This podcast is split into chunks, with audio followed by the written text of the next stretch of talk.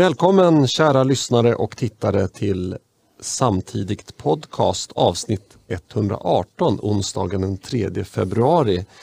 Jag heter Erik Dahlin, jag är tillbaka efter en veckas frånvaro.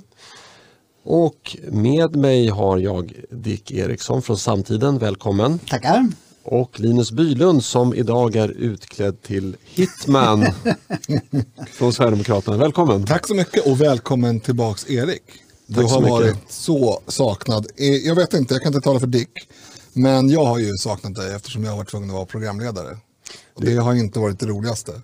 Nej, jag, jag har beklagat mig någon gång eh, över det, att det, det är lite svårt att komma hålla tanken i, i, i luften vad man själv ska säga och samtidigt bolla med eh, ämnena som, som eh, så att säga pratas om eh, i, ja, i, i det momentana så att säga. Ja, just det. Eh, Och så hålla koll på kontrollpanelen. Precis. Så att Och det var ju extra, extra problematiskt när vi hade gäst också. För då ville jag ju både att allt skulle funka och skulle fördela ordet och avbryta Alexander Bard och, ja, och så vidare. Eh, nej, jag är jätteglad att du är tillbaka av, av flera skäl. Men, men det är en av dem i alla fall. Ett av dem. Men gladast av dem alla, det är jag. Ja.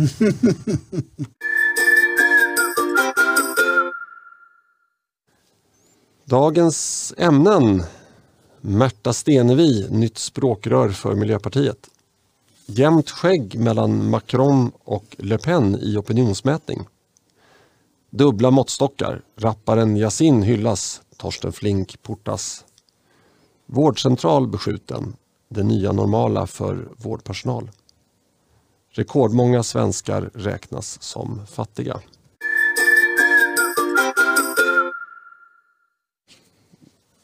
Allra först, som vanligt, laget runt. Dick, vad har du haft för dig i veckan? Ja, jag var lite orolig här när det skulle bli mer än 10 grader kallt. För på mitt sommarställe då, som jag ju inte är i på, på veckorna, så eh, har jag en torpargrund där eh, vattenpumpen står. Och eh, där bör ju det inte bli ner mot noll. då, då händer det saker med ledningar och utrustning. Så jag har byggt en frigolitbox runt, eh, runt den eh, och, och ett litet element där i då. Med, eh, inte timer utan vad heter det? Det heter Termostat. termostat heter det. Eh, men så gick den här, jag hade fjärr eh, kontakt med en eh, termometer via en app men det, det har inte fungerat i år. Eller i vinter. Eh, så jag var lite orolig att eh, när det blir mer än 10 grader kallt att eh, har allting fungerat liksom. Men det var skönt att åka ut och konstatera att det hade legat på 5 grader i alla fall i den här boxen. Men så kallast var det ju, nu spelar vi in det här i förväg, så kallast var det väl i natt hittills. Ja just det, men det, när jag var ute så var det Nej, jag ska inte- åtta, åtta grader så att, eh, och, och så fem graders marginal och så eh, hoppas jag att elementet blir lite kraftigare då om det blir ännu kallare. Så att Mm. Det ska nog ha gått bra även nu. Skönt. Linus, Ja, jag har också samma problem som Dick fast jag Ja. har ja, närbesläktat faktiskt. Men jag bad en granne gå över och stänga av huvudvattnet i alla fall för att jag har ledningsdragningar inomhus som är lite sådär. Man måste tömma också då. Det räcker väl inte att stänga av? Man måste... Nej, men om något skulle gå sönder så vill jag inte att det sprutar ut Ja, det vatten i hela okej. huset. Ehm, men jag har, jag har ju både häng- hängslen och livrem, men jag har ändå samma problem. Om, om strömmen skulle gå till exempel, då Just skulle det. det. kunna gå väldigt illa. Ja. Ja, ja, eh, det var inte det jag skulle prata om. Men eh, nej, jag, jag ville förklara min klädsel.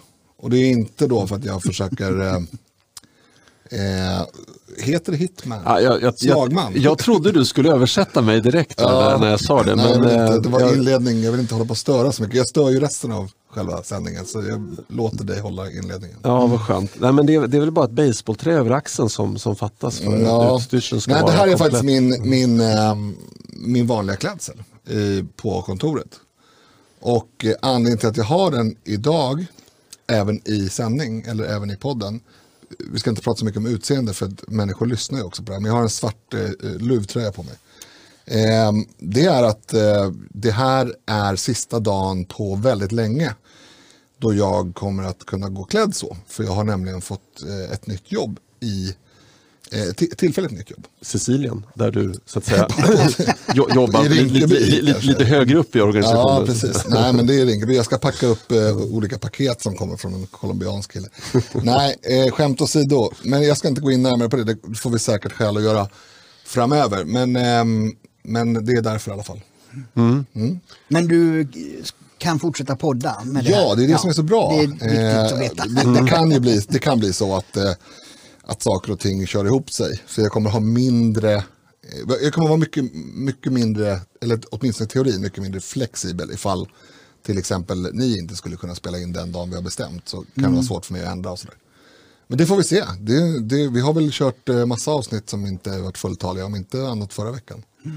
Det gick ju okej, eller? Ja, det var jättebra. Eh, Kanon verkligen. Ja, Erik då? mm. Ja, eh, nej, men det, det är väldigt tungt att behöva säga det så. Eh, men eh, min kära far han somnade in för gott för en vecka sedan. Då. Vi spelar in på måndag nu då. Så Måndagen 25 januari så, eh, ja, han hade legat i dvala kan man säga i någon vecka och då pallade inte hjärtat längre då. Så att han somnade in. Var det Ehm.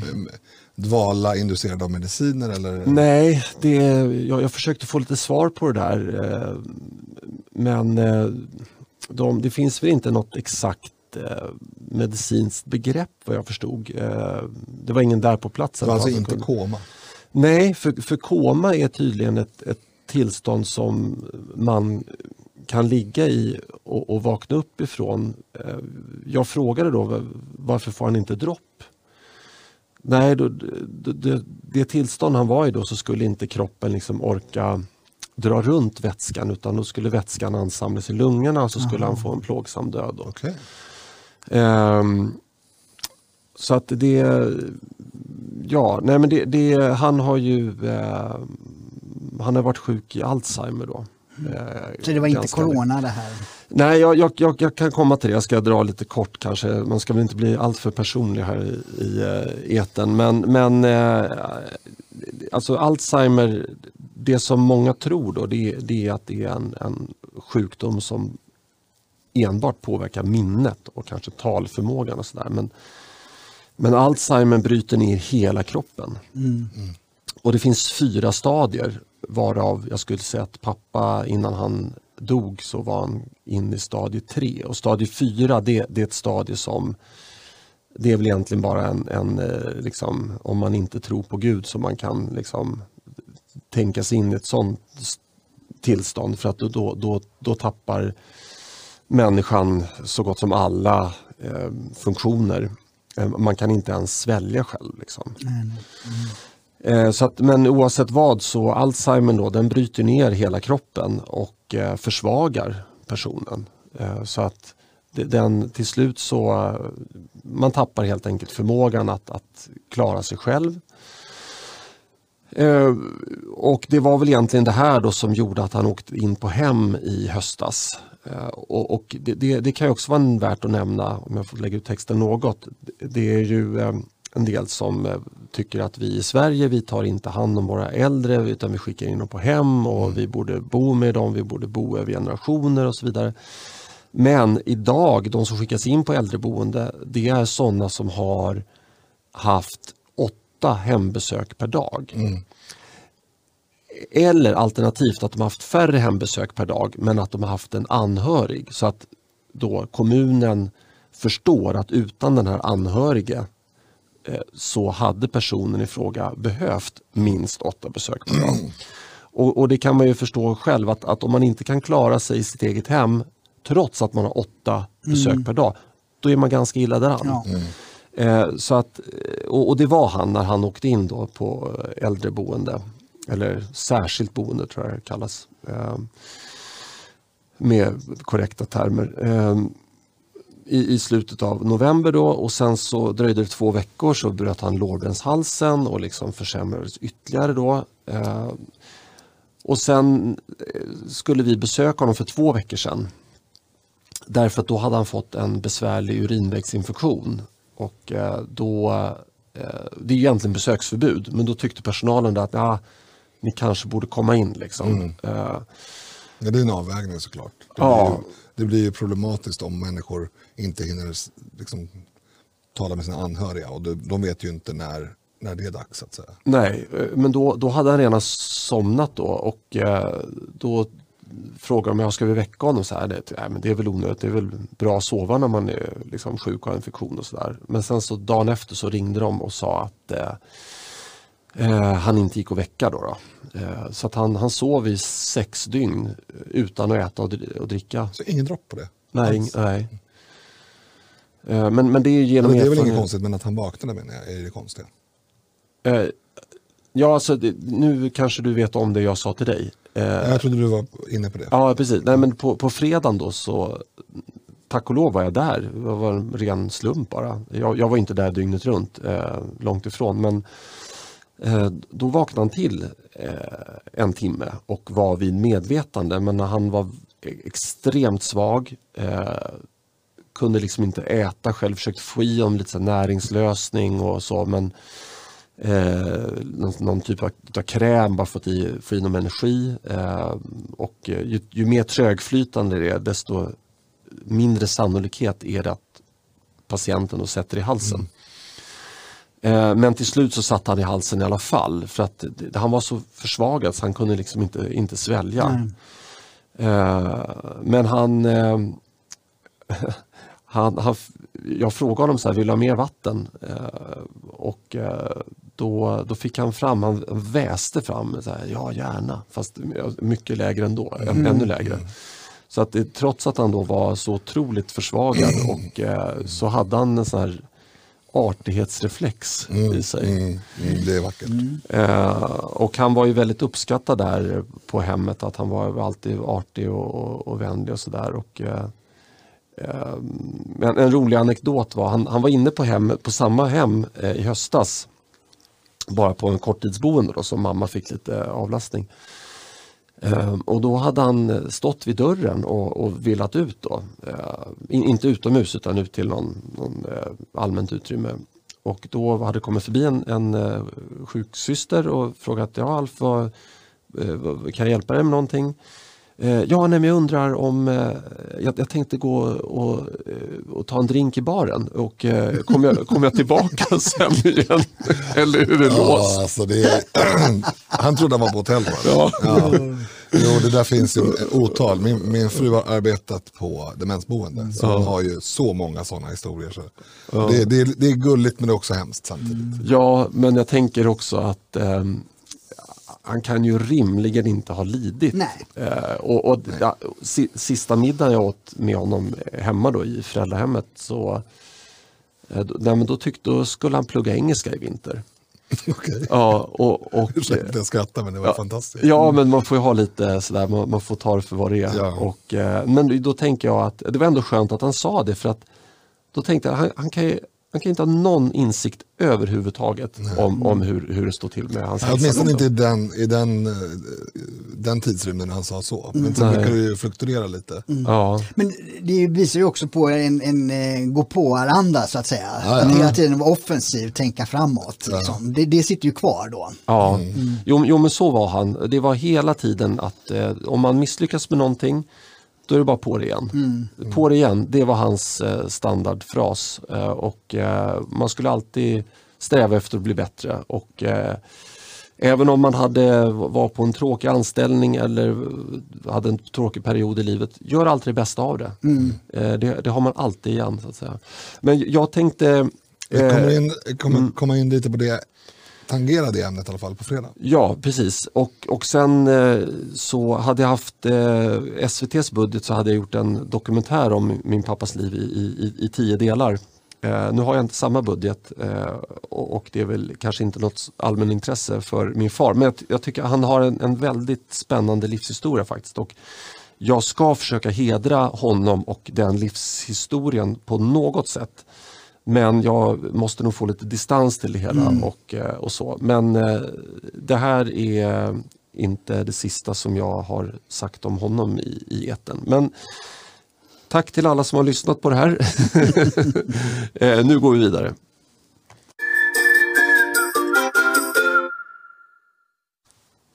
Märta Stenevi, nytt språkrör för Miljöpartiet. Dick, du eh, skrev en liten ingress till här. Ja, precis. Jag gjort, Mm. eh, gjorde en ledare på eh, måndagen om, om Märta Stenevi då som i helgen är vald till, till, eh, till språkrör och många tycker då att hon, de första intervjuerna hon har gjort eh, har hon klarat bra rent eh, vad säga, medialt så att säga.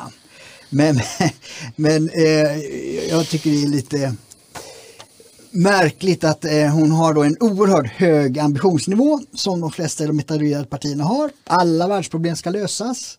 Och nu ska Miljöpartiet bredda sig så nu är det inte bara miljöfrågan man ska lösa utan man ska lösa alla problem och på det sättet ska man få tillbaka väljare. Alltså jag, alltså jag tycker de är, lever i en fantasivärld de här människorna alltså. De, de är helt väck från vad det är som eh, vad säger, den breda väljarkåren utgår ifrån. För att det viktiga när det gäller Miljöpartiet är att de är ett av de mäktigaste partierna i Sverige de senaste tio åren. De påverkade, gjorde upp med Fredrik Reinfeldt 2011 om migrationsuppgörelsen och ligger alltså bakom allt det elände som vi har haft de senaste tio åren. Och att Sverige var fel, helt oförberedd 2015 då när det blev ytterligare tryck på, på, på migrationen utan att man hade någon integration förberedd. Inga bostäder, inga jobb, ingenting är ordnat utan eh, det är bara eh, den gamla befolkningen ska liksom flytta sig och så ska de här människorna av någon anledning eh, eh, ta över. De har ingen politik och, eh, trots att de då har varit eh, maktbärande i de här frågorna. Och hon hade liksom ingen relation till vad partiet har gjort. Och jag anser att då kan man inte kommunicera med väljarna. Utan man måste ju för det första erkänna den makt man har, erkänna de beslut man har påverkat och konsekvenserna av dem. Sen kan man börja säga nu ska vi göra så här därför att det här blir fel, nu ska vi göra någonting annat. Då skulle, tror jag att en del skulle kunna tänka sig att ly- lyssna på dem. Men när man bara är så här, nu ska det bli, ja som de hade som eh, valslogan, guld och gröna skogar liksom. Det, det, eh, det, det är liksom en eh, fantasy. Mm. Linus, vill du? Eh, Ja, men jag ska fråga Dick en sak först. Har de sagt något mer om vad för ämnen de tänker driva utöver miljö? Eh, jag ska inte fråga om hon har sagt något mer, för det vet ju inte du. Men har du? Jo, jo, jag, jag har sett att hon, vad hon har nämnt. Nej, det är det vanliga. Det, det är välfärd, det är vård, det är skola, det är bostäder. Ja, det är i princip allt eh, det, det, som partiet ska profilera sig på eller prioritera. Som det, alltså det är också lite lustigt. Politiker säger att de ska prioritera och sen nämner de allt. Alltså de har inte förstått innebörden i ordet. Nej. Prioritera betyder att man väljer bort något. Ja, exakt. Eh, nej, men min korta kommentar, eller det kan bli ganska lång faktiskt, om du önskar. Men ja. det var tur att Dick hade satt sig in lite i den här frågan, för jag hade ingen aning överhuvudtaget, inte om vem hon är, eller ens att hon var nytt språkrör. Och det beror på att jag har försökt vara lite eh, utanför bubblan senaste dygnen här. Eh, men, men det spelar ingen roll. Eh, det är bra att eh, Dick åtminstone berättar vem det är. Men jag tänker kanske utgå från det att jag inte vet vem det här är snarare. Och det är ju i sig ganska intressant. För att om man är ett parti på, på svår dekis, eh, man har eh, så, alltså man har ju haft några väldigt tuffa år. Eh, inte minst efter 2018, men även före där man är helt i en ny värld jämfört med för 10, för 5, 10, 15 år sedan. Då man eh, mejslade fram en organisation egentligen som Sverigedemokraterna var innan riksdagsinträdet. Alltså vi sa bara vad som var dåligt och vad vi ville ändra. Vi hade liksom inte några djupare förslag för, för liksom drygt tio år sedan. Och, det, och det, det är ju fullt rimligt eftersom man inte har de resurserna. Man har inte möjlighet att, att fördjupa sig i varje ämne och varje budgetpost utan man får berätta ungefär vilken, håll, vilken riktning man vill att saker och ting ska ta.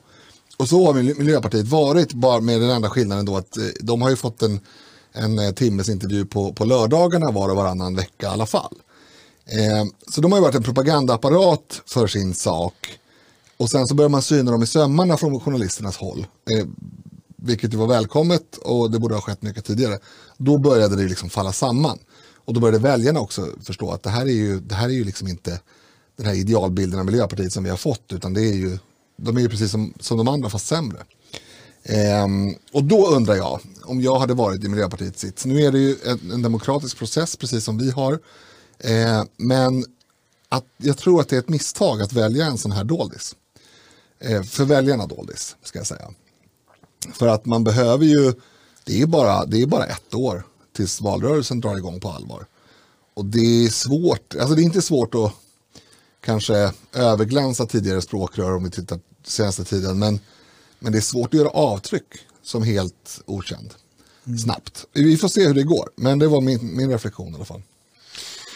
Ja, eh, vad säger jag då? Eh, Kommer det, ut som miljöpartist? Kanske? Ja, precis. Eh, nej, men jag, jag har väl tyckt att de har... Eh, jag har gillat den här lite rebelliska sidan hos dem. Birger Schlaug typ eller? Ja, men precis. Det var inte igår? Nej, det var inte igår. Eh, och eh, när de faktiskt eh, var lite uppkäftiga om man ska säga så mot Socialdemokraterna. De krävde ju eh, ministerposter och det var ju bara tack vare att Göran Persson var som han var som han förvägrar dem det. Mm. Mm. Det var lite eh. synd faktiskt, det hade antagligen gått ut för tidigare. Ja, exakt. Eh, men det, det, var ju fyra kandidater då och jag måste säga att det var, det var ju bara någon enstaka där som jag, som jag kände till mm. lite grann om. Eh, så att det var ju kanske ingen jättekonkurrens heller. Nej, nej, men kandidaterna är ju de som är kandidater men det finns ju det, det, redan där är det ett problem om man inte har någon kandidat som, som matchar. Så att säga. Det är en process före kandidaterna också. Ja, och, så att, men jag ville bara nämna det att i alla fall eh, som, med, med, med tanke på det du sa eh, mm, Linus, mm, att, att eh, just när kandidaterna var framme så fanns det inte några större... I den gruppen var hon världskändis? Ja, ja, Eller, eller, hon var, verkar vara väldigt uppskattad i alla fall mm. som person. Mm. Eh, men eh, det är just det här att, att hon ville bredda partiet. Men det, det, enda jag läste om som hon ville göra det var att, att dra Miljöpartiet längre vänsterut i ekonomiska frågor. Hon kanske har varit felciterad eller kanske tolkar fel. Men, men, men bredden handlar inte om vad jag vet att det ska vara liksom att Miljöpartiet ska profilera sig i försvarsfrågor eller, eller i eh, ja, migrationsfrågan är de redan profilerade i. Ehm, men, eh, ja, de ska inte avskaffa kärnkraft, eller tvärtom eh, åter, återuppväcka kärnkraften och sådär. Ja. Mm. Men, men Dick, mm. vad, vad, vad, menar du på att, att hon skulle bredda, liksom, har jag fel när jag säger att, att hon ville dra partiet vänsterut i ekonomiska frågor? Ja, det har jag inte riktigt. De brukar ju vilja det, men de sitter i regeringen så, så då är de ju knutna till Socialdemokraterna och lägga fram en budget som eh, någorlunda går ihop så att säga. Så att, eh, det, nej, utan det, det är just de här eh, traditionellt mjuka frågorna då, som vård och skola och, och eh, bostäder då, eh, som hon har sagt att hon vill prioritera. Men, men som någon kommentator skrev att ja, men utbildning försökte man ju bredda sig med under Gustaf Fridolin. Han var ju utbildningsminister mm. och det gick ju inte särskilt bra. Eh, och, och, jag tror ju det, nu vill inte jag tipsa dem om någonting, för jag hoppas att de sitter kvar i regeringen och, nu och åker ut eh, i riksdagen nästa års val, år 2022. Men eh, det jag tror skulle kunna eh, rädda dem, det, det, är om de gör tvärtom vad hon, vad hon säger, alltså blir ännu mer smala och inriktar sig på miljöområdet och Eh, lägger konkreta förslag. Inte de här fluffiga, nu ska vi ändra världen och eh, liksom eh, den här, ja, som jag tycker är barnsligt. Alltså så, så kan man säga som barn det de gör. Men, men som vuxen och i beslutsfattande församlingar då ska man lägga konkreta förslag. Och de konkreta förslag de lägger det är ju bara högre skatt på bilar hela tiden. Mm. Det, det, är ju det, liksom det enda de gör och därmed sabbar för vanligt folk möjligheter som, som inte har, kan åka tunnelbana. Det finns ju faktiskt de som bor utanför Stockholms city och det verkar Miljöpartiet ofta glömma bort mm. på något sätt. Så att eh, det är att göra en seriös miljöpolitisk satsning. Alltså vad går att göra? Och det, där, där är det ju så att all miljöförbättring har ju skett genom effektivisering det är ju teknikutveckling. Det är det som har varit helt drivande i, i miljöfrågan. Och där skulle man ju kunna se hur, men man kan inte få på för mycket heller. Vi kommer ihåg etanolsatsningar och sånt där som var politiskt drivna. De gick åt fanders därför att det, då började man hugga ner regnskog i Brasilien för att göra eh, biobränsle med. Och det, så det är, miljöfrågan är mycket mer komplicerad än vad de flesta tror. Det räcker inte att säga att vi vill ha bra miljö utan det, det är ju en oerhörd eh, mycket faktorer bakom. Och där skulle och det tycker jag ju att Sverigedemokraterna också borde göra, satsa mer på eh, vad säger, seriös miljöpolitik. För vi, vi behöver ha eh, en, en eh, alltid försöka förbättra och lindra människans påverkan på, på jorden. Det, alltså den ambitionen är helt riktig, men det måste ske på ett eh, intelligent och smart sätt. Liksom. Ja, till exempel så är det svårt att trovärdigt säga att man vill ha en miljöförbättring när man inte till exempel förespråkar kärnkraft. Mm. Därför att det skulle ju kunna ge ett andrum för, för eh, att de innovationer med för, ännu mer, för, mer förnybart, mm. förnybart, kärnkraft är ju inte alls förnybart, men, eh, men eh, det är åtminstone koldioxidneutralt. Mm. Eh, ännu mer tid, så andrum för att utveckla de, de icke-mogna energikällor som vi har. Men det ska vi inte kanske gå in på, jag ville bara som en passning till dig. Mm. Eh, däremot så vill jag säga att det är ju ganska intressant om det är så som du, som du säger Erik och som Dick i någon mening eh, styrker att det blir en glidning åt vänster snarare än åt mitten. Eller i alla fall att de fokuserar mer på de frågorna. Alltså, ja. Miljöpartiet är ju redan vänster i ekonomiska frågor. Absolut, men, men, men det, det kan ju vara att de vill betona dem. Mellan, ja. mm. mellan, mellan, eh, mellan, men, genom åren har de ibland glidit ganska mycket åt höger i vissa frågor. Och det har ju varit, inte farligt för oss kanske, men, men bra för regeringen. Alltså bra för det nuvarande regeringsunderlaget. Om mm. de skulle sno lite, eh, lite folk från, liksom, ja nu skulle de inte sno från Moderaterna kanske, eller KD eller oss, men de kanske skulle kunna sno från L och C. Mm. Och det är mycket sämre än om de snor från V och, M, eller, och S. Såklart, tycker jag i alla fall. Eh, det kanske kan försvaga Vänsterpartiet om inte annat, vilket ju alltid är en, en uh, unique selling point. Men, men, eh, har ändå inte, alltså både Miljöpartiet och Sverigedemokraterna har ju i, i eh, någon mening redan vunnit. Även om nu kommer inte SD åka ur för att det är för, för god marginal eh, 2022. men, men, men om Miljöpartiet åker ur då kan de ändå slå sig för bröstet och säga att ja men nu vill ju alla partier, eh, förutom möjligen då SD, eh, ha någon sorts klimatalarmistisk mm. agenda, eh, mm. sättande politik. Liksom. Men, men kan, kan, det jo, vara... det kan jag absolut säga att ja, men, kan... men har inte de bara mm. kapitaliserat på en strömning? För jag menar, det är inte, det är inte Miljöpartiet som har gjort så att, så att USA pratar om det, till exempel. Nej, nej det är klart, det, så är det. Men, men uh, hur, hur, som haver, kan, kan det vara ett, vara ett problem för dem att, att andra partier har ju faktiskt gått, också mm. gått i bräschen för den här typen av miljöfrågor? Ja precis, alltså, när det gäller den här allmänna eh, inriktningen så att säga så, så, så är ju alla med på just som jag sa att vi behöver hela tiden minska människans påverkan Eh, så i den meningen så, så är, är, ju alla med på tåget. Vi har inte eh, det, DDT och massa gifter som sprids eh, runt omkring utan det, det finns ju stor enighet om att, att eh, farliga substanser ska eh, inte finnas och så vidare. Så att det, eh, allmänna inriktningen, där, där, där, där, är inte Miljöpartiet urskiljande. Och, det är där, och jag, jag tror att det är därför hon pratar om breddning. Därför att de, de är inte eh, eller det är svårt att vara värst eller bäst på, på miljöområdet så att säga. Eh, eh, och det är därför de behöver bredda sig. Därför att eh, de, de inser att det är svårt med miljön. Det är, det, är ingen, det är ingen riktig konfrontationsyta så att säga mot någon annan. Nej. Nej, vi får se hur det går för henne.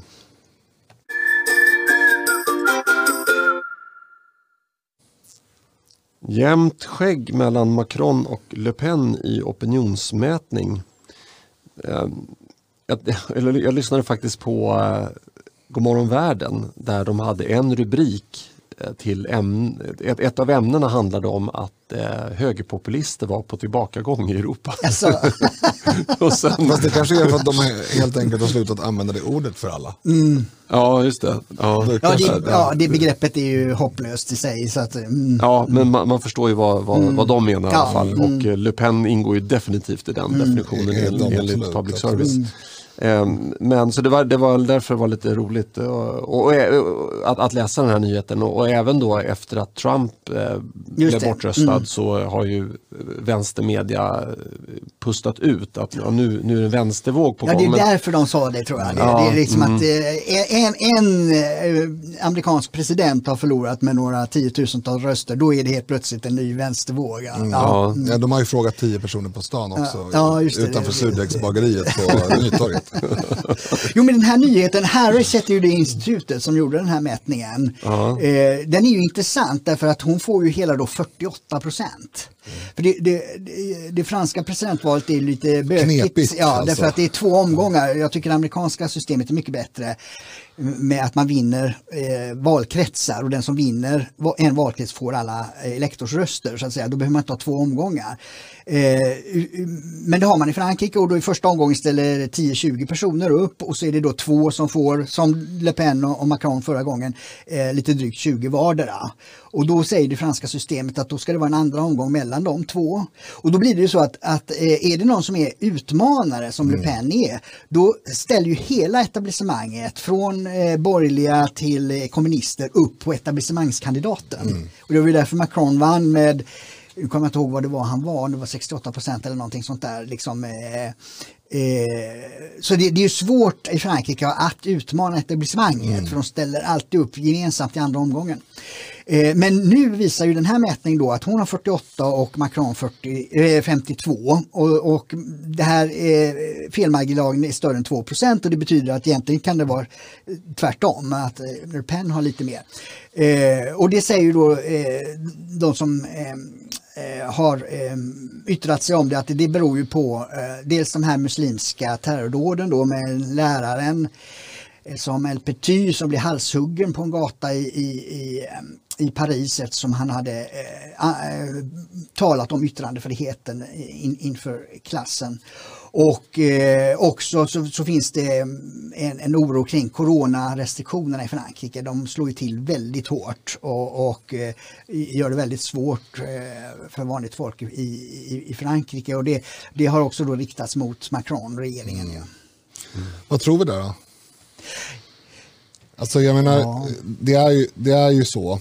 Det är ett förbaskat dåligt system. Ja, det är väldigt svårt. Att... Alltså om nu Marin skulle få 60 procent Mm. av, nej det skulle han aldrig få, Eh, men låt säga att hon skulle få eh, ettan och tvåan skulle vara, sk- skulle vara ettan skulle vara eh, National Mm. med ganska stor marginal så är det sannolikt att hon ändå förlorar. N- Nationell samling Ja, just det. Jag de tänkte också det. Ja, Ja, de, de har bytt namn i, i den här Vad utvecklingen. heter det på franska? Ja, det kan jag inte. Nej, förlåt. Jag ska, jag ska inte ställa dig på väggen. Eh, nej, men jag menar bara att om, om ehm, även, även om utmanaren blir mycket större i första omgången så är det risk att den får ordentligt med stryk i andra omgången. Ja. Därför att det är ju alla de här, det är lite Robinson. Man ska rösta Just på det. det man tycker, alltså man ska rösta ut någon snarare. Och det, det, jag tycker att det är problematiskt. För att det fina med, svenskt, eh, med svensk demokrati, det, allt är inte perfekt. Men, men just det här att man måste välja någonting som man röstar på. Man kan inte välja att rösta på, bort någon. Så att säga. Utan om man, om man tycker att Moderaterna har bäst politik, ja det är klart att man kan rösta på något annat parti av taktiska skäl, men då, då slänger man ju bort sin röst på det. Eller, man har bara en röst. Här, blir det, här har man ju två röster, en som man får använda först eh, för att säga vilka två som ska stå mot varandra. Sen kan man ju, ja, jag, ty jag tycker att det är ett problematiskt system och jag tror inte att, tyvärr ska jag säga, att eh, Marin kommer, kommer gå segrande ur den striden. Nej, det, det, det är ju svårt att säga. Just eftersom det är så att, att eh, från kommunisterna till borgerliga kommer att samla sig bakom den etablissemangskandidat som kommer att stå mot henne då. O- Oavsett om det är Macron då som är liberal eller om det blir eh, de gamla eh, konservativa republikanerna som kommer eh, gå vidare så att säga till andra omgång så kommer ja, alla andra så att säga att, att förespråka eh, motkandidat. Ja, alltså för, den som, för den som vill förstå det här så är det ganska enkelt. Det är bara att låtsas att man har samma system i Sverige och att Sverigedemokraterna skulle vara andra största parti, vilket är väldigt snubblande nära. Då skulle då i första omgången Socialdemokraterna och Sverigedemokraterna det, eh, vidare. stå som vinnare Ja. och gå vidare. Och sen så skulle det bli ett val mellan sossarna och eh, Sverigedemokraterna. Och då skulle ju alla partier, förutom möjligtvis någon i det Sverigevänliga blocket, eh, mer eller mindre sluta upp bakom Socialdemokraterna. Så det blir ju väldigt, väldigt eh, konstigt. Det, det, det som kan rädda, Le Pen det, det är väl att eh, det, blir mycket soffliggare i, i omgång två.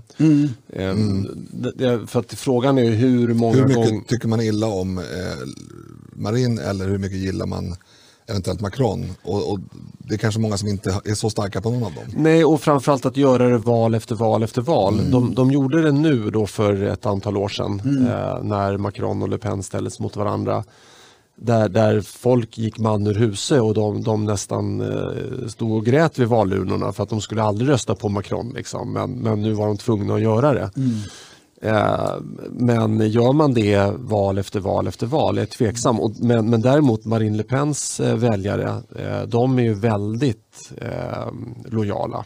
De, de, ja, oavsett om det är liksom eh, är hagelväder och man fruktar för sitt liv för att gå till valurnan så tror jag att många gör det ändå. Absolut. Eh, så det är väl det. Ja. Jo, nej, men det brukar vara ett antal miljoner färre som röstar i andra valomgången.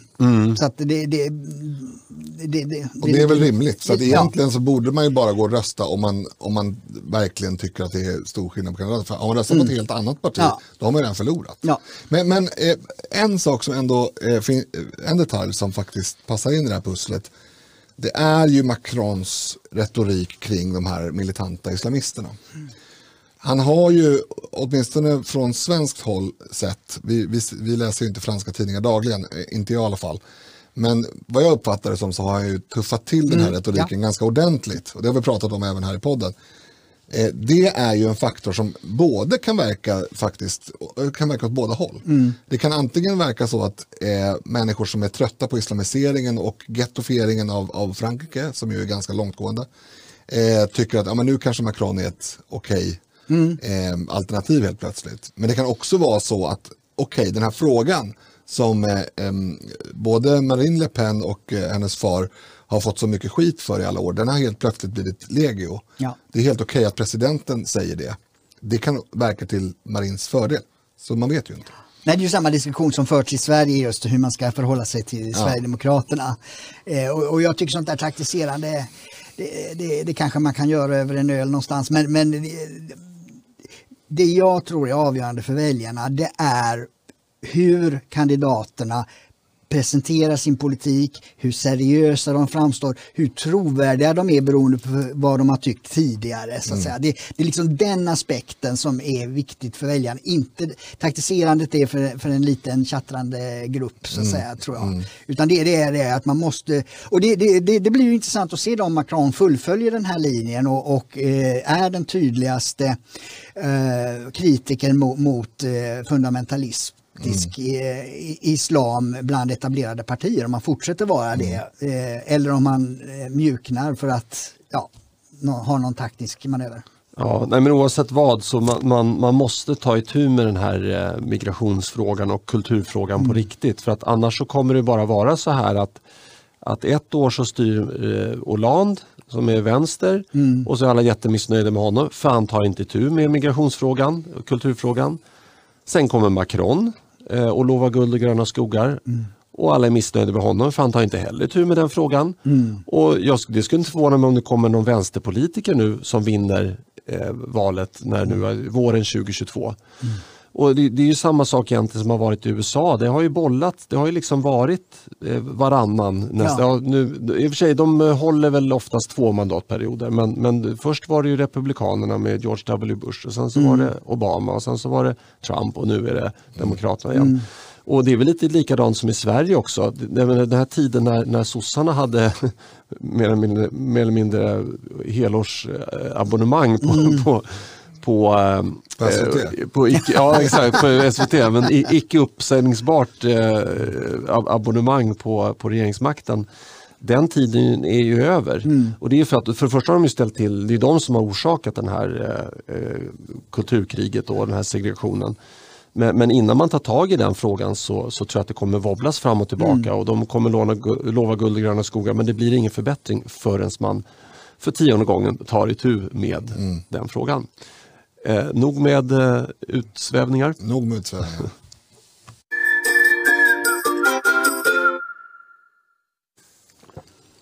Dubbla måttstockar. Rapparen Yasin hyllas. Torsten Flink portas. Först och främst, Dick, varför blev eh, Torsten Flink eh, portad? Vad hade han gjort för? Därför att han var eh, anmäld för, jag vet inte om han har blivit eh, åtalad för då eh, skadegörelse och eh, olaga hot inför Melodifestivalen förra året. Och då eh, åkte han ut med huvudet före omedelbart.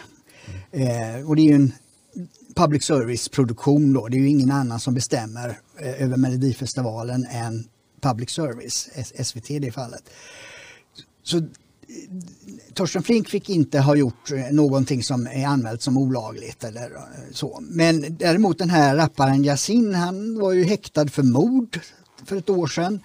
Inblandad i de här gäng, gängkriminaliteten nu är han häktad eh, för stämpling till människorov. Han dömdes också, fast inte för mord. Nej, just utan det var för något annat. Eh, eh, så nu är han häktad för att liksom ha, ha beordrat eller försökt att eh, kidnappa någon. Och, och eh, då fortsätter hyllningsprogram. Det har varit en, jag tror den är timslång dok dokumentär där de gullar med honom i SVT. Och P3 säger att eh, eh, fortsätter att hylla honom eh, och, och säger då att eh, P3 ska inte eh, agera specialdomstol. Så när det gäller honom då är det som om inget kriminellt har hänt. Utan det, det, det brottsliga är en helt annan genre än, än eh, kultur och musik. Men när det var Torsten Flink, då var det ju inte det. Utan, och jag tycker det här är dubbla måttstockar, för det är, så fort det är någon person med invandrarbakgrund, då är det helt plötsligt oerhört långtgående saker som måste ske innan man ingriper. Och jag tycker det är vansinnigt fel. Vi ska ha, och framförallt om man vill just integrera invandrare i Sverige, det första man måste göra är, är att ha lika behandling. Det är, är grunden för Sverige i århundraden är lika behandling och då måste även de här lika behandlas. Och antingen då, om man kastar ut Torsten Flink för, för ett, en mindre förseelse, då ska man kasta ut den här Yasin omedelbart på samma grund. Allt annat är dubbla måttstockar och ett enormt hyckleri. Det finns otroligt många lager i det här. Eh, eller flera stycken väldigt tydliga lager som jag, som jag tycker vi ska bena ut. Eh, jag tycker att din liknelse är bra Dick. Eh, inte minst för att den eh, åskådliggör det här hyckleriet. För det är ju ett konkret hyckleri. Ja. Men den haltar i det att den blir lite för snäll mot, S, eh, mot SR. Mot P3. Därför att Torsten Flink, han sjunger inte eller skådespelar inte om eh, att han producerar inte förhärligande av det brott som han var Nej, misstänkt nej, för. nej. nej. Hade Torsten Flink haft attityden att, nu var sa att han var, han var Olaga hot. olaga hot och, och, och sådär. Skadegörelse. Ja, Om han, om han eh, gjorde en pjäs som glorifierade olaga hot och skadegörelse eller, eller han har ju gjort någon musik också, låt säga att han gjorde låtar som, som glorifierade olaga hot och skadegörelse. Då hade det varit en perfekt jämförelse. Men nu är den ännu mer eh, på, så att säga, mot P3. Alltså det, går, det går inte för P3 att, att argumentera för det här. Eh, men det finns fler parametrar. Vi har ju jämförbara, eller förlåt, det finns ingen jämförbar eh, så att säga, eh, utestängande av, av någon eh, från, från P3 som, som går att jämföra med Yasin. Eh, som, som jag tycker är något fel. Alltså, man spelar inte vit maktmusik på P3. Och det tycker jag eh, det är rimligt. Alltså, sj- sjunger man om att begå någon typ av brott oavsett om det är eh, rasistiska brott eller, eller om det är mord och, och gängkriminalitet så tycker inte jag att det är något konstigt om man inte får tillgång till public service. Det jag inte ra rapmusik där man Nej, det är det jag menar. Det är det jag glorifierar menar. kvinnohat och annat. Det är ju helt självklart. Men ta ett band som Ultima Thule som har släppt liksom 20-tals skivor. Som har legat på svensk. De har ju spelats i public service av den enkla anledningen att de måste spela det som ligger på så att säga, försäljningslistan i vissa program. Till exempel Svensktoppen. Då var de ju tvungna att spela Ultima Thule några få gånger på 90-talet. aldrig någonsin annars har jag någonsin hört Ultima Jag har aldrig hört Ultima Thule spelas på någon sorts skvalmusik. Och de har ingen våldsförhärligande. Inte på något Utan det är, det är ingen- nationella Det ansatsen det, som är Vad jag vet så finns det ingenting som, som jag inte skulle kunna stå för i det. Men det är den nationella ansatsen som gör eh, dem Ja, kontroversiella. ja, för, precis. eh, mm. Exakt. Ehm, det finns helt enkelt, det, det är liksom fosterlandskärlek och det, det, det är en mycket, mycket sjuk kultur som tycker att det är någonting konstigt. Det är en mycket skadad eh, kultur som SVT eller som SR och P3 så att säga lever inom. Men, men det, det är liksom, nämn gärna, eh, ni, ni, ni lyssnare och tittare kan också få hjälpa till.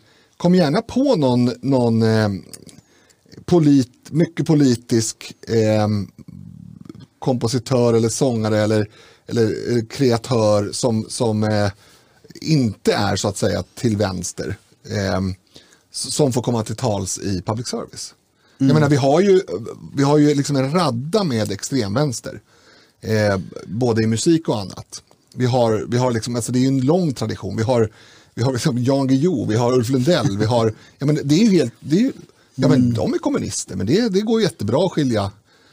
Men, men vänta nu här, vad, vad finns det på andra sidan? Nej, ingenting. Apropå det, vi har inte tagit upp där att eh, Lars Norén, han, han dog ju faktiskt dagen efter min, min far Ja, ja. Mm. lämnade jordelivet. Eh, men då hörde jag på, eh, återigen Godmorgon världen då, där de hade intervjuat någon eh, som försökte lansera honom i USA. Men det hade inte gått så bra och, och då var en av förklaringarna till att ja, de har ju inte samma struktur som vi har med, med stadskultur och liksom scener och sådär. Och, ja, uttryckt i klarspråk, man, alltså amerikanska staten sponsrar inte kulturlivet med tiotals miljarder. Exakt. Eh, motsvarande summa, I, i Sverige så är det kanske inte tiotals miljarder men det är miljardbelopp. Så att motsvarande summa i USA skulle bli, det kanske skulle bli 100, 100 miljarder. Liksom. Och därför så, alltså Lars Norén, jag, jag ska säga att jag kan väldigt lite om honom, han kanske är fantastisk och, och hans, jag kanske skulle älska hans pjäser om jag såg dem. Men jag skulle väl ändå kunna gissa att det inte finns någon Marknadsmässig grund. nej. marknadsmässig Nej, bärighet precis. för hans pjäser. Och, men vilka som har lyft upp honom då? Ja, det är ju då eh, Dramaten eh, och även public service. Eh, och, och det kan jag tycka är eh, rent ut sagt vidrigt. Eh, speciellt när det handlar då om eh, alltså att mina skattepengar ska gå till sånt larv. Ja, det, Eh. det har ju till och med gått till att kriminella släppts ut och kunnat begå polismord. Ja, För det var ju under permissioner för att vara med i La- Lars Noréns eh, pjäs som det här med Alexandermorden begicks. Mot, där, två poliser sköts ihjäl. Mm. Ja, Okej, det, var, det, var, ja, det var ju tragiskt verkligen. Men det, jag, jag vet att de var med för det sa de i, i Mm eh, något annat, någon annan podd som jag hörde på. Eh, strunt samma. Det, det, det, här med Yasin, och det, det, det är det man dribblar bort också för att då kommer då, liksom försvarstalet då från de som tycker att Yasin ska få vara med. Det är så här, men vi kan inte censurera, vi kan inte göra och alla måste komma till tals så det, vi håller inte alls med vad han säger. Nej, absolut, låt honom spelas på Spotify då. Men lyft inte fram honom i P3. Mm, exakt. Och, och, och det, jag, jag kan säga att det, det är ju en, en svår balansgång. Vil, vilka ska få Nej, med? det, vilka det, ska inte? det är Nej, inte svårt. Alltså, tycker inte jag jag Jo, men tycker det var jo. jättebra att du tog upp det här Erik, för att det är så många på den här... Så att du kunde få tillfälle att Nej, jag, avbryta jag, ska inte, jag ska inte basha dig nu, Jag- det här måste in. Ja, mm. Det är så många på den här um, Yasin-sidan, om jag får uttrycka mig så. Eh, det är Yasin och sen är det hela vänsteretablissemanget.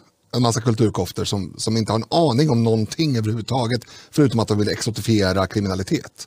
Men, men det enda argument jag har hört som faktiskt har viss bäring, det är eh,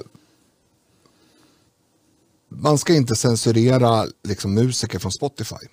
Men då, då har man liksom glömt att det är nästan ingen som kräver det. Nej. Man hittar på Mm. att nu är folk upprörda för att det finns en eh, gangsterrappare på Spotify. Nej, jag är inte ett dugg upprörd för det. Jag lyssnar på gangsterrap på Spotify varje dag. Inte fånig, fjortis, svensk låtsas gangsterrap utan lite äldre sådan som också är töntig men, men på ett annat sätt. Eh, men så jag har inget problem med det. Jag tycker att ett, ett företag som, som sprider musik måste ju jag, ty jag, tycker någonstans att de bara borde hålla sig till respektive lands lagstiftning. Mm. Alltså säger man någonting som inte är lagligt, alltså till exempel mm. hets mot folkgrupp, eh, det kan vara barnpornografi, det kan vara och sådär.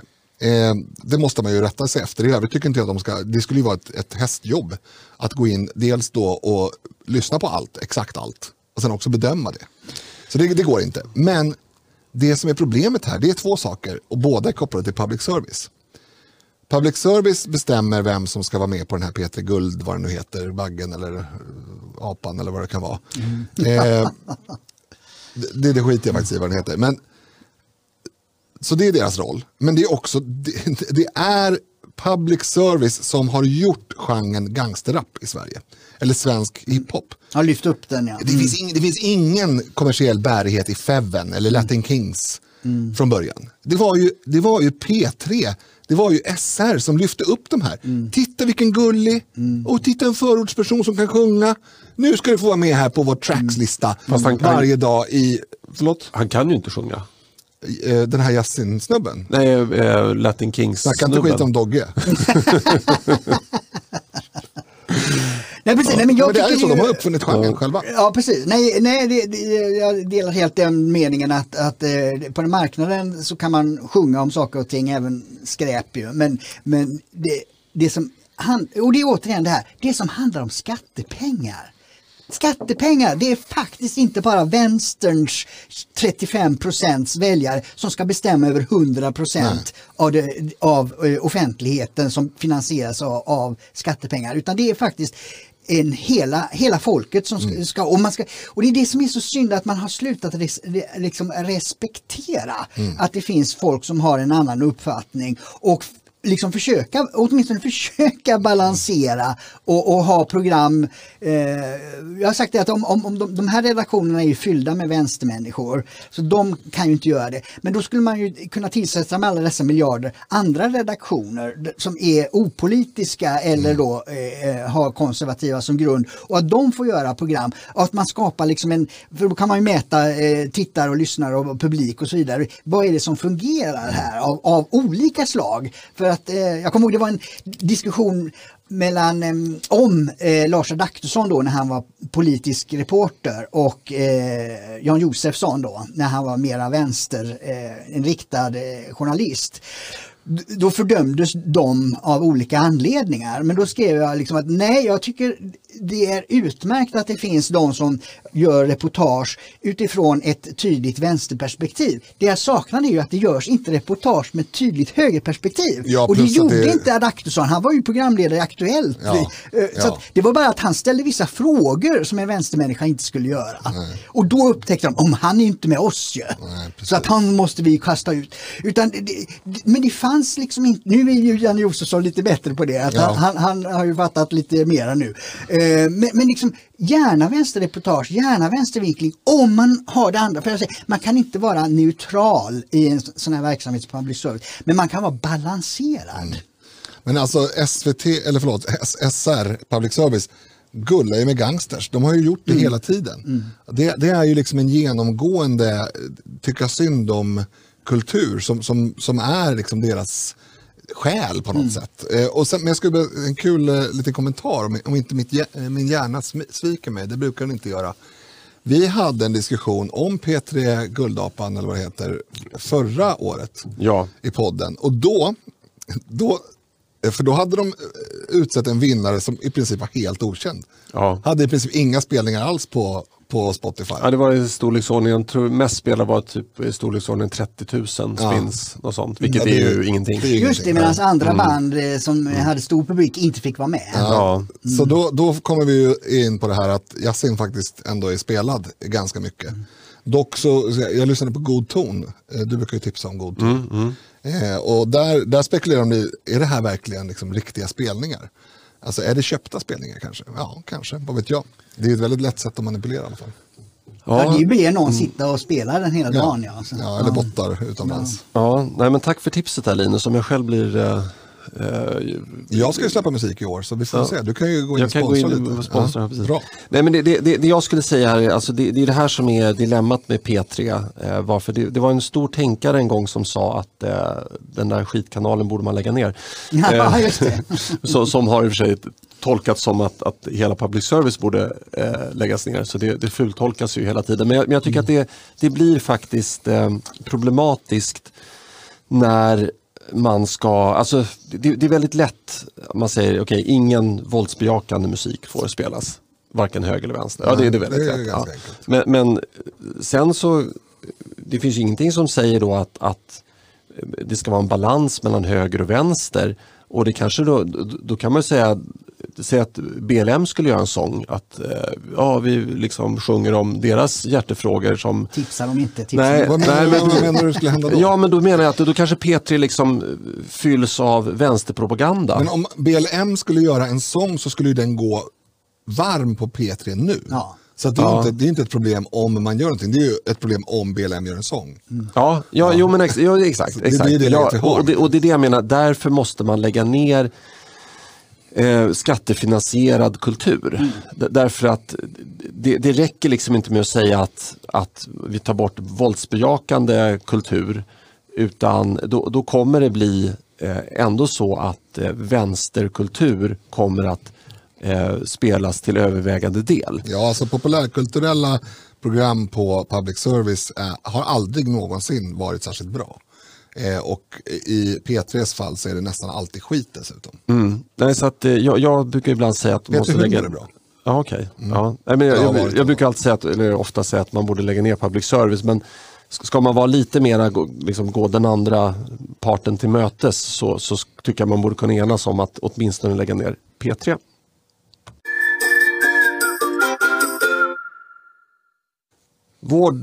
Vårdcentral beskjuten, det nya normala för vårdpersonal. Dick, du, Ja, det är en artikel som gav en hel del klick den senaste veckan och det, det beror ju på att, eh, eh, eller jag vill ta upp det därför att eh, intervjun eh, med personalen då som kommer till jobbet på måndag morgon och märker att vårdcentralen har rutorna krossade på grund av kulskott. Det var ju därför att det skedde en skjutning utanför i Västerås då. Eh, och sen, ja, men vi, vi, vi, eh, polisen var här, spärrade av och, och, och kollade men, men eh, vi har eh, kunnat eh, dirigera om och vi, vi haft i stort sett en normal mottagning.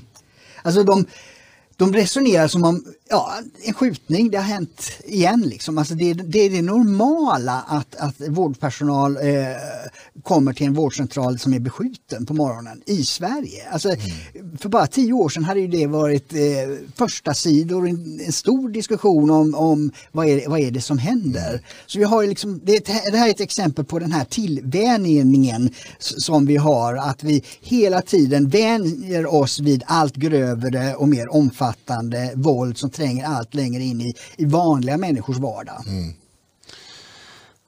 Ja, Så jag, kan ju för, men jag kan ju förstå, alltså nu ska jag göra något så unikt som att ta liksom Aftonbladets och Expressens parti här.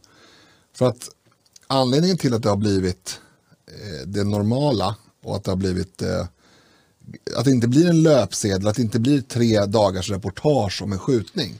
Vilket det ju rimligen borde bli, ja, alltså sett till eh, konsekvenserna och sett till hur det har sett ut för kanske 10, 15, 20, 30 år sedan det är ju att det inte längre säljer. Och någonstans så, så kan jag förstå, man, man kan inte ha löpsedel varje dag, en skottlossning. Det blir ju en väldigt konstig, liksom, ja, ska vi läsa skottlossningstidningen idag? För, för det skulle ju vara varje dag i princip. Men däremot så finns det eh, aktörer på den mediala marknaden som inte har en, en så, ett sådant krav. Alltså, de behöver inte sälja lösnummer och det är SVT. Eh, där bör man gå in och ta ansvar och fortsatt rapportera om grövre våldsbrott trots att de är vanliga. För det, det blir ju inte mindre grovt för att det är vanligt. Nej, att spegla samhället betyder... Men det, var, det här var nog hämtat från eh, Jo, jo men det radio blir, det eller blir inte samma, SVT. absolut, Mm. men det blir, det blir inte alls Men- samma nej, som det var för precis. tio år sedan. Men, nej, för det är ju, nej, men det är ju sant, det ska ju spegla eh, samhället, Mm. inte bara, eh, eller inte sälja lös, lösnummer. Mm. Så det finns, en, det finns liksom en, eh, förlåtande del i den, den helt fria medien. Helt fria är de inte för de får pressstöd. Men, men det, de lever ändå under någon sorts marknadsmekanismer och då finns det en förlåtande del i det. Därför att de, de, de kan ju inte bara rapportera om det. Men skulle de rapportera om en skottlossning så som de gjorde 1987, då skulle de inte behöva, kunna skriva om något annat i princip. Men det, är- det, det är ju sant, men, men samtidigt så tycker jag det är viktigt att vi var och en har detta i minnet. Det är Liksom. därför vi finns. Ja, exakt, så vi kan kommentera. Mm, ja, precis. Nej, men det, det, man, man undrar vad det här gör med... Alltså, samhället måste ju alltid fortsätta att driva vårdcentraler och, och det kommer ju alltid komma dit någon som lagar kulhålen och byter fönsterrutor och så. Skattepengar. Ja, skattepengar. Men de som jobbar där har ju alltid möjlighet att ta något annat jobb om de är, är, är, känner att de, att de har kompetensen och, och, och orken att byta. Ehm, så det här tror jag kanske kommer bli en, en utmaning eh, framöver i, i låglöneyrken. Alltså att det, det, det är många som har, kanske ser som ett kall att jobba inom vården. Men, men eh, om eh, man riskerar livhanken därtill, alltså att man har låg lön och, och dessutom då blir utsatt för sådana här attentat, då, då kommer det att bli en negativ spiral. Eh, re- redan nu finns det ju brist på, på människor och eh, man tar in lågkvalificerad arbetskraft, man tar ju till och med in arbets, arbetskraft som eh, inte behärskar svenska språket. Så, så det är väl en, eh, en, en väldigt oroväckande framtid. Ja precis, det där måste ju, eh, det tog vi upp lite grann i avsnittet med Alexander Bard, liksom att det, eh, serviceyrken, vårdyrken, hantverksyrken måste uppgraderas något otroligt medan universitetens framtid är finito, ja, inte helt och hållet men att, att ha en examen på ett universitet kommer inte vara det viktiga i framtiden utan det är att kunna saker och ting och i, i högre grad just eh, eh, hand och, och eh, hjärtaarbete så att säga. Ja, kompenseras man genom en hyfsat hög lön så, så kan man väl stå ut med att det är lite rufft på jobbet. Men eh, det, det bästa är väl om, eh, om man lagar i båda ändar så att säga. Både höjer lönen för den här typen av personal och ser till så att de slipper eh, mötas av skotthål i fasaden när de anländer till jobbet. Ja, ett enda ett exempel på det här, nu är det här en aktuell nyhet, men vi hade ju den här vårdcentralen där man, där man lät aptera en eh, handgranat Just det. med någon sorts eh, mekanism, utlösningsmekanism på. Eh, och det var ju, det var ju, det här var gissar jag en slump att det var vårdcentralen eller? Ja, jo det var det. Mm. Och, men det här var ju avsiktligen på en vårdcentral för att Bombningen, ja. någon Mm. jobbade där eller? Ja, just det, Göteborg. Ja. Mm, de hade Eh, bombat hemmet för den personen tidigare. Ja, så jag tror inte att just vårdcentraler är den, den liksom första stället man flyr ifrån som, som arbetstagare, utan det kanske är skolor där du har inbyggt en våldsrisk i sig, alltså högstadieskolor eller gymnasium. Ehm, men det är precis som du säger, det är en, en trygghetsfråga för, för arbetstagaren. Nej, Det kommer vet- få konsekvenser på arbetsmarknaden. Mm. Nej, man vet ju aldrig vad nästa trend blir.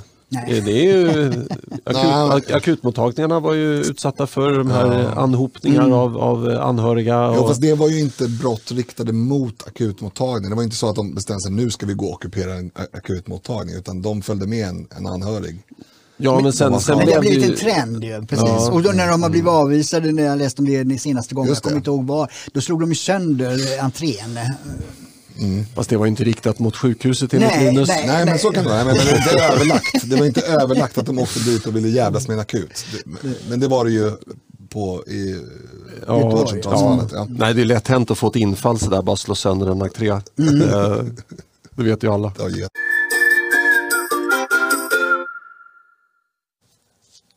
Rekordmånga svenskar räknas som fattiga. Dick. Mm. Det är SCB-statistik då som har kommit om eh, 2019. De är ju lite eh, långsamma höll jag på att säga, men, men det tar väl tid att gå igenom allt material. Men eh, där har alltså andelen, som, och det är ju då relativt fattiga, alltså det är i förhållande till medelinkomsten, eh, så är det alltså nu 15 procent av befolkningen som räknas som fattiga i Sverige 2019 och det har aldrig varit så högt sedan de började mäta tidigare. Fortfarande så att de flesta är äldre, eller? Ja, och det, det är pensionärer, framförallt pensionärer som inte eh, följer med i utvecklingen och, och eftersom kvinnor lever lite längre än män så är det framförallt kvinnor eh, som Ja, inte bara därför. detta. Nej, det är kanske inte Det, det. det, Utan det de är har många i den generationen som är äldre, inte jobbat hela, nu, nej precis, de var hemma när, när de hade barn och så. Mm. Så att det, det, det, det, det är ett enormt underbetyg eh, för, för socialdemokratin. Mm. Som, vi kommer att tala om det i, fri, i fredagsavsnittet eh, där man från socialdemokratins sida säger att nu ska man rädda partiet genom att börja prata igen om eh, fördelningspolitik och, och, och, eh, och, sådana frågor. Eh, men det räcker inte. Liksom. De, har, de har sumpat det här. Mm. Alltså faktum är att det här, det låter ju som ett eh, jätte, det är ett jätteproblem, men det låter ju som ett, eh, ett svårt problem, men det är inte särskilt svårt. Det är inte särskilt mycket pengar. Det är inte, alltså vi, vi la ju en budget för några år sedan bara som jag var med och, och jobbade med.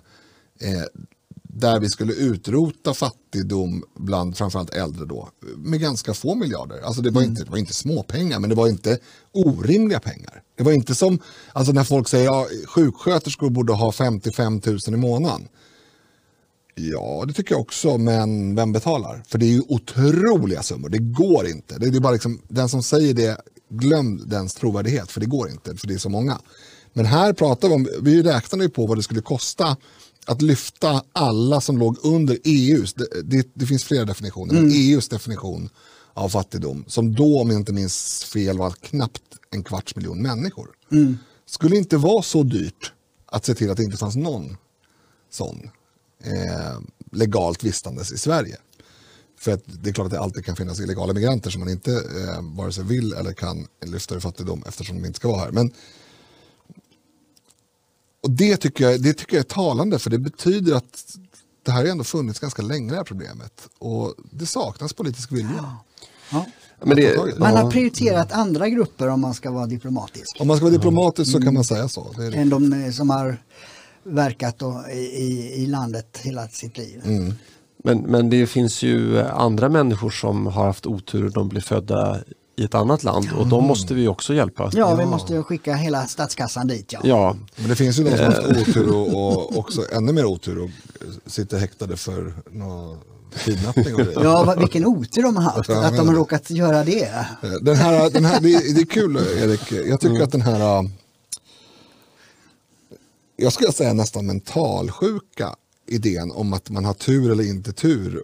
Eh, att, olika, att man ska gå omkring och tycka att man haft tur och sådär. Eh, den är fantastiskt eh, intressant att prata om. Jag tycker nästan vi ska ha det någon fredag. Jag bara lägger upp det här mitt i, i sändning. ja nej, men det är bra. Vi, nu, får, nu, nu fick ni vara med på redaktionsmöte också. Ja, just det, just det. Nej, ja, nej, men det här med relativ fattigdom, alltså det här är ju, eh, jag, jag tycker att det är ju tragiskt att den generation som nu är som relativt mest fattiga i samhället, att det är kanske den generationen mer än någon annan generation som har byggt Sverige. Och, och det är djupt tragiskt.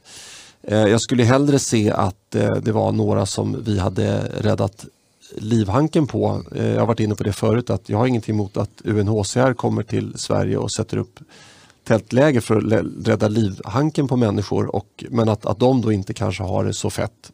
Det, det, det tycker jag är, är kanske mer rättvist. Eh, men nu, nu, är, nu är världen som den är. Men, men, men man ska inte stirra sig, stirra sig allt för blind på den här relativa fattigdomen heller. För att ehm, det, det, det jämförs ju med hur andra har det i Sverige och, och vi i Sverige vi har det ju materiellt sett väldigt, väldigt bra. Eh, sen är det såklart att det finns alltid olika öden. Eh, det, det kan ju vara så att en, en pensionär har bott i en hyresrätt i hela sitt liv och sen så har räknat att men jag kommer ha råd med en ålderdom och sen så genomför hyresvärden en stam, ett stambyte, standardhöjning och så blir hyran högre enligt alla lagar och regler. Eh, och så hamnar den här personen eh, i ekonomiska bekymmer. Så att det, det, det finns ju självklart eh, sådana fall också och de är nog inte allt för få. Eh, Nej, alltså, det, jag glömde kanske säga det. Anledningen till att vi valde EUs definition av fattigdom är att ja, om, jag, om jag minns rätt så är inte den, den är relativ men inte på samma, den räknar inte på samma sätt riktigt. Och det kan vara så att den är, den är för högt eller lågt ställd, det, det kan jag inte uttala mig om. Men, men, men den används i alla fall. Eh, alltså, jag tycker att det är jätteintressant att du säger just det här med att det är relativ fattigdom, för jag tror att Jag hade i alla fall inte varit särskilt medveten om det om, om jag inte jobbade med de sakerna jag gör. Alltså att det är ju det är en vänsterretorik från början egentligen. Mm. Att börja jämföra eh, en människa med vad någon annan har. Snarare Ja. än om man Det det. får saker och ting gå ihop. För att om alla, om, om den minsta lönen, i, så disponibla inkomsten efter skatt i Sverige skulle vara 40 000 per person och det fanns någon som tjänade en miljard per person så skulle det vara liksom i mina ögon, jaha, det skiter väl jag i. Eh, för att jag, är inte, jag, jag bryr mig inte om den här klyftan, inte i alla fall inte den utsträckningen som många andra gör. Jag bryr mig om att de som har det sämst har det okej. Eh, så att det är en jätteviktig diskussion. Ja, precis. Jo, det är, det är ju det. Det, det. det där brukar dyka upp när det gäller barnfattigdom. Mm. Eh, så, så är det ju det att det, där blir det ännu tydligare att, att eh, ehm, Ja, det var väl också där eh, Janne Josefsson å- råkade ut för en debatt där han eh, konstaterade då att eh, en, en eh, mamma mm, eh, som låg under den här fattigdomsgränsen rökte 20 cigaretter per dag. Och, och då, då frågade han, men hur har du råd med det då? Och då fick han ju världens kritik att han skulle inte lägga sig i eh, sånt. Men, men eh, det är ju därför att det var, mm, de här vänsterorganisationerna pratar om relativ fattigdom och där, därmed inte eh, den dis, disponibla inkomsten. Men, men jag, jag tycker när det gäller äldre så är, är, är det lite annorlunda eftersom de har jobbat hela livet. Och, och pensionen är liksom en av de första välfärdssystemen som inrättats i västvärlden är att äldre människor ska tas om hand. Och någon har sagt liksom att hur man tar hand om de äldre säger väldigt mycket om eh, samhället he- i sin helhet. Va? Och där har ju Sverige fullständigt eh, kapsejsat med, med corona och, och, och, och så då fattigpensionärer. För det ingår i, liksom i samhällskontraktet, alltså att vi betalar skatt till staten och det gör vi därför att vi ska kunna räkna med trygghet och en eh, ålderdom som, som är, är garanterad. Så det, där tycker jag det är, det, det är mycket viktigare att eh, politiken håller eh, det som är, är lovat. Liksom. Ja, precis. Det, ja, för att eh, återknyta till där programmet började. Eh, min far då eh, föddes 1936 och han sa till mig när jag var yngre att eh, han har inte någon förståelse för eh, personer i hans ålder som eh, inte eh, kan försörja sig själva för att han växte upp under ekonomiskt väldigt eh, gynnsamma, det var, det, var en, det var en stark tillväxt i Sverige. Däremot var man ju tvungen att jobba. Ja. Man, man kunde inte liksom som han då gick ut skolan eh, när, efter, efter sjuan och fick ingen mer skola. Hade han känt sig kränkt av samhället och börjat demonstrera då hade han ju svultit ihjäl. Utan det var ju, han fick ju jobba hårt från att han var 14 år gammal. Eh, men, men gjorde man det, då fanns det stora möjligheter och det är sånt samhället som, som jag vill ha. Kanske inte börja jobba från 14 men, men från det att man är färdigstuderad. Det ska finnas goda jobbmöjligheter, jobbar man hårt då ska man kunna jobba sig uppåt. Eh, med, och, och, och I sammanhanget då så, så kan jag tycka att det, det är, här har ju Socialdemokraterna ett enormt stort ansvar därför att eh, vad ska man välja då om man varit en trogen eh, socialdemokrat eh, i- när det gäller boende, hyresrätt eller bostadsrätt eller villa? Nej, hyresrätt såklart. Vad ska man jobba? Privat sektor eller offentlig sektor? Offentlig sektor. Eh, ska man eh, studera vad man vill eh, eller ska man studera någonting som man kanske som yrkesförberedande? Nej men såklart, alla ska ju bli genusvetare. Ja. Och så här, och, Esteter. Est- esteter, ja. Och, och, har, man, har man följt de här rättesnörena då kan man nog säga att när man går i pension så är man, just det när det gäller pensionssparande också, det ska man också lägga över till staten. Man ska inte ha ett eget privat pensionssparande, då är, då är man ju en vidrig kapitalist. Eh, och har man, följt de här råden då kan man säga att när man går i pension då är man garanterat utfattig. I, alla fall, I alla fall relativt eh, sett utfattig. Och här har Socialdemokraterna ett enormt ansvar. Eh, ha- hade de här personerna som nu är eh, under fattigdomsgränsen här hade de lyft blicken lite grann och försökt, att, om de inte hade litat på staten utan eh, försökt liksom spara upp ett sparkapital och så vidare, då, då skulle jag säga att de, de hade inte, den gruppen hade inte alls varit lika stor. Nej. Men nu är det kvinnor här och de var ju ofta hemma med barn. Det fanns inte barnomsorg eh, alltså på samma sätt. Så det, det här är ju en eftersläpning också Mm. mot eh, att villkoren var eh, annorlunda när, när det gäller att kunna eh, arbeta för eh, barnfamiljer. Till Men det, det finns också, Det- det en, annan, det finns Mm. också en annan väldigt stor orättvisa här. Även vänstern gillar ju orättvisor och eh, att jämföra saker med varandra. Och, och en sak man skulle kunna säga då det är att de som har den generation, nu pratar vi inte bara om fattiga äldre, för det är många äldre som har det knapert fast de inte hamnar under den här. Det måste man komma ihåg, att det, är- det, det, är inte, det är inte fett att vara pensionär i Sverige alla gånger, även de som ligger över den här gränsen. Nej, därför att man har litat på att staten ska ge en en, en, en trygg delvis pension. därför Ja. Men, precis. men min Mm. poäng är liksom att om man ska då relativisera mellan de här, eller jämföra mellan de här grupperna, när de var unga, då hade de liksom inte, eh, de hade dass på gården, alltså i Stockholms innerstad till och med. De hade inte, åtminstone inte rinnande varmvatten.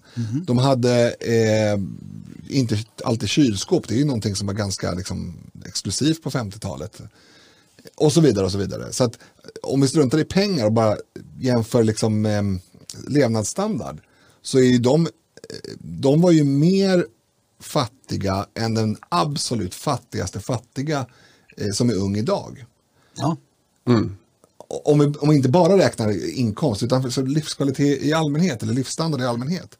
Så då är det ju ännu mer. De har alltså, de har alltså börjat med en skitdålig eh, levnadsstandard och, och fått sluta eh, med en skitdålig levnadsstandard på grund av ekonomiska orsaker. Och på vägen så har de byggt upp en fantastisk levnadsstandard för oss andra. Ja. Så det är så, det är så liksom moraliskt förkastligt Ja. att, att eh, det får ske så. Ja, men verkligen. Och eh, skyldiga äro Socialdemokraterna. ja.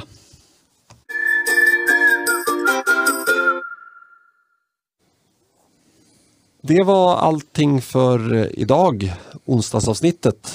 Eh, Men hav förtröstan, vi är snart Vi tillbaka. kommer tillbaks. Ja. Vi hotar med det. Ja, exakt. Eh, Men tills dess, så om inte någon annan har något att tillägga, så säger vi tack och hej då. Hej! Tack.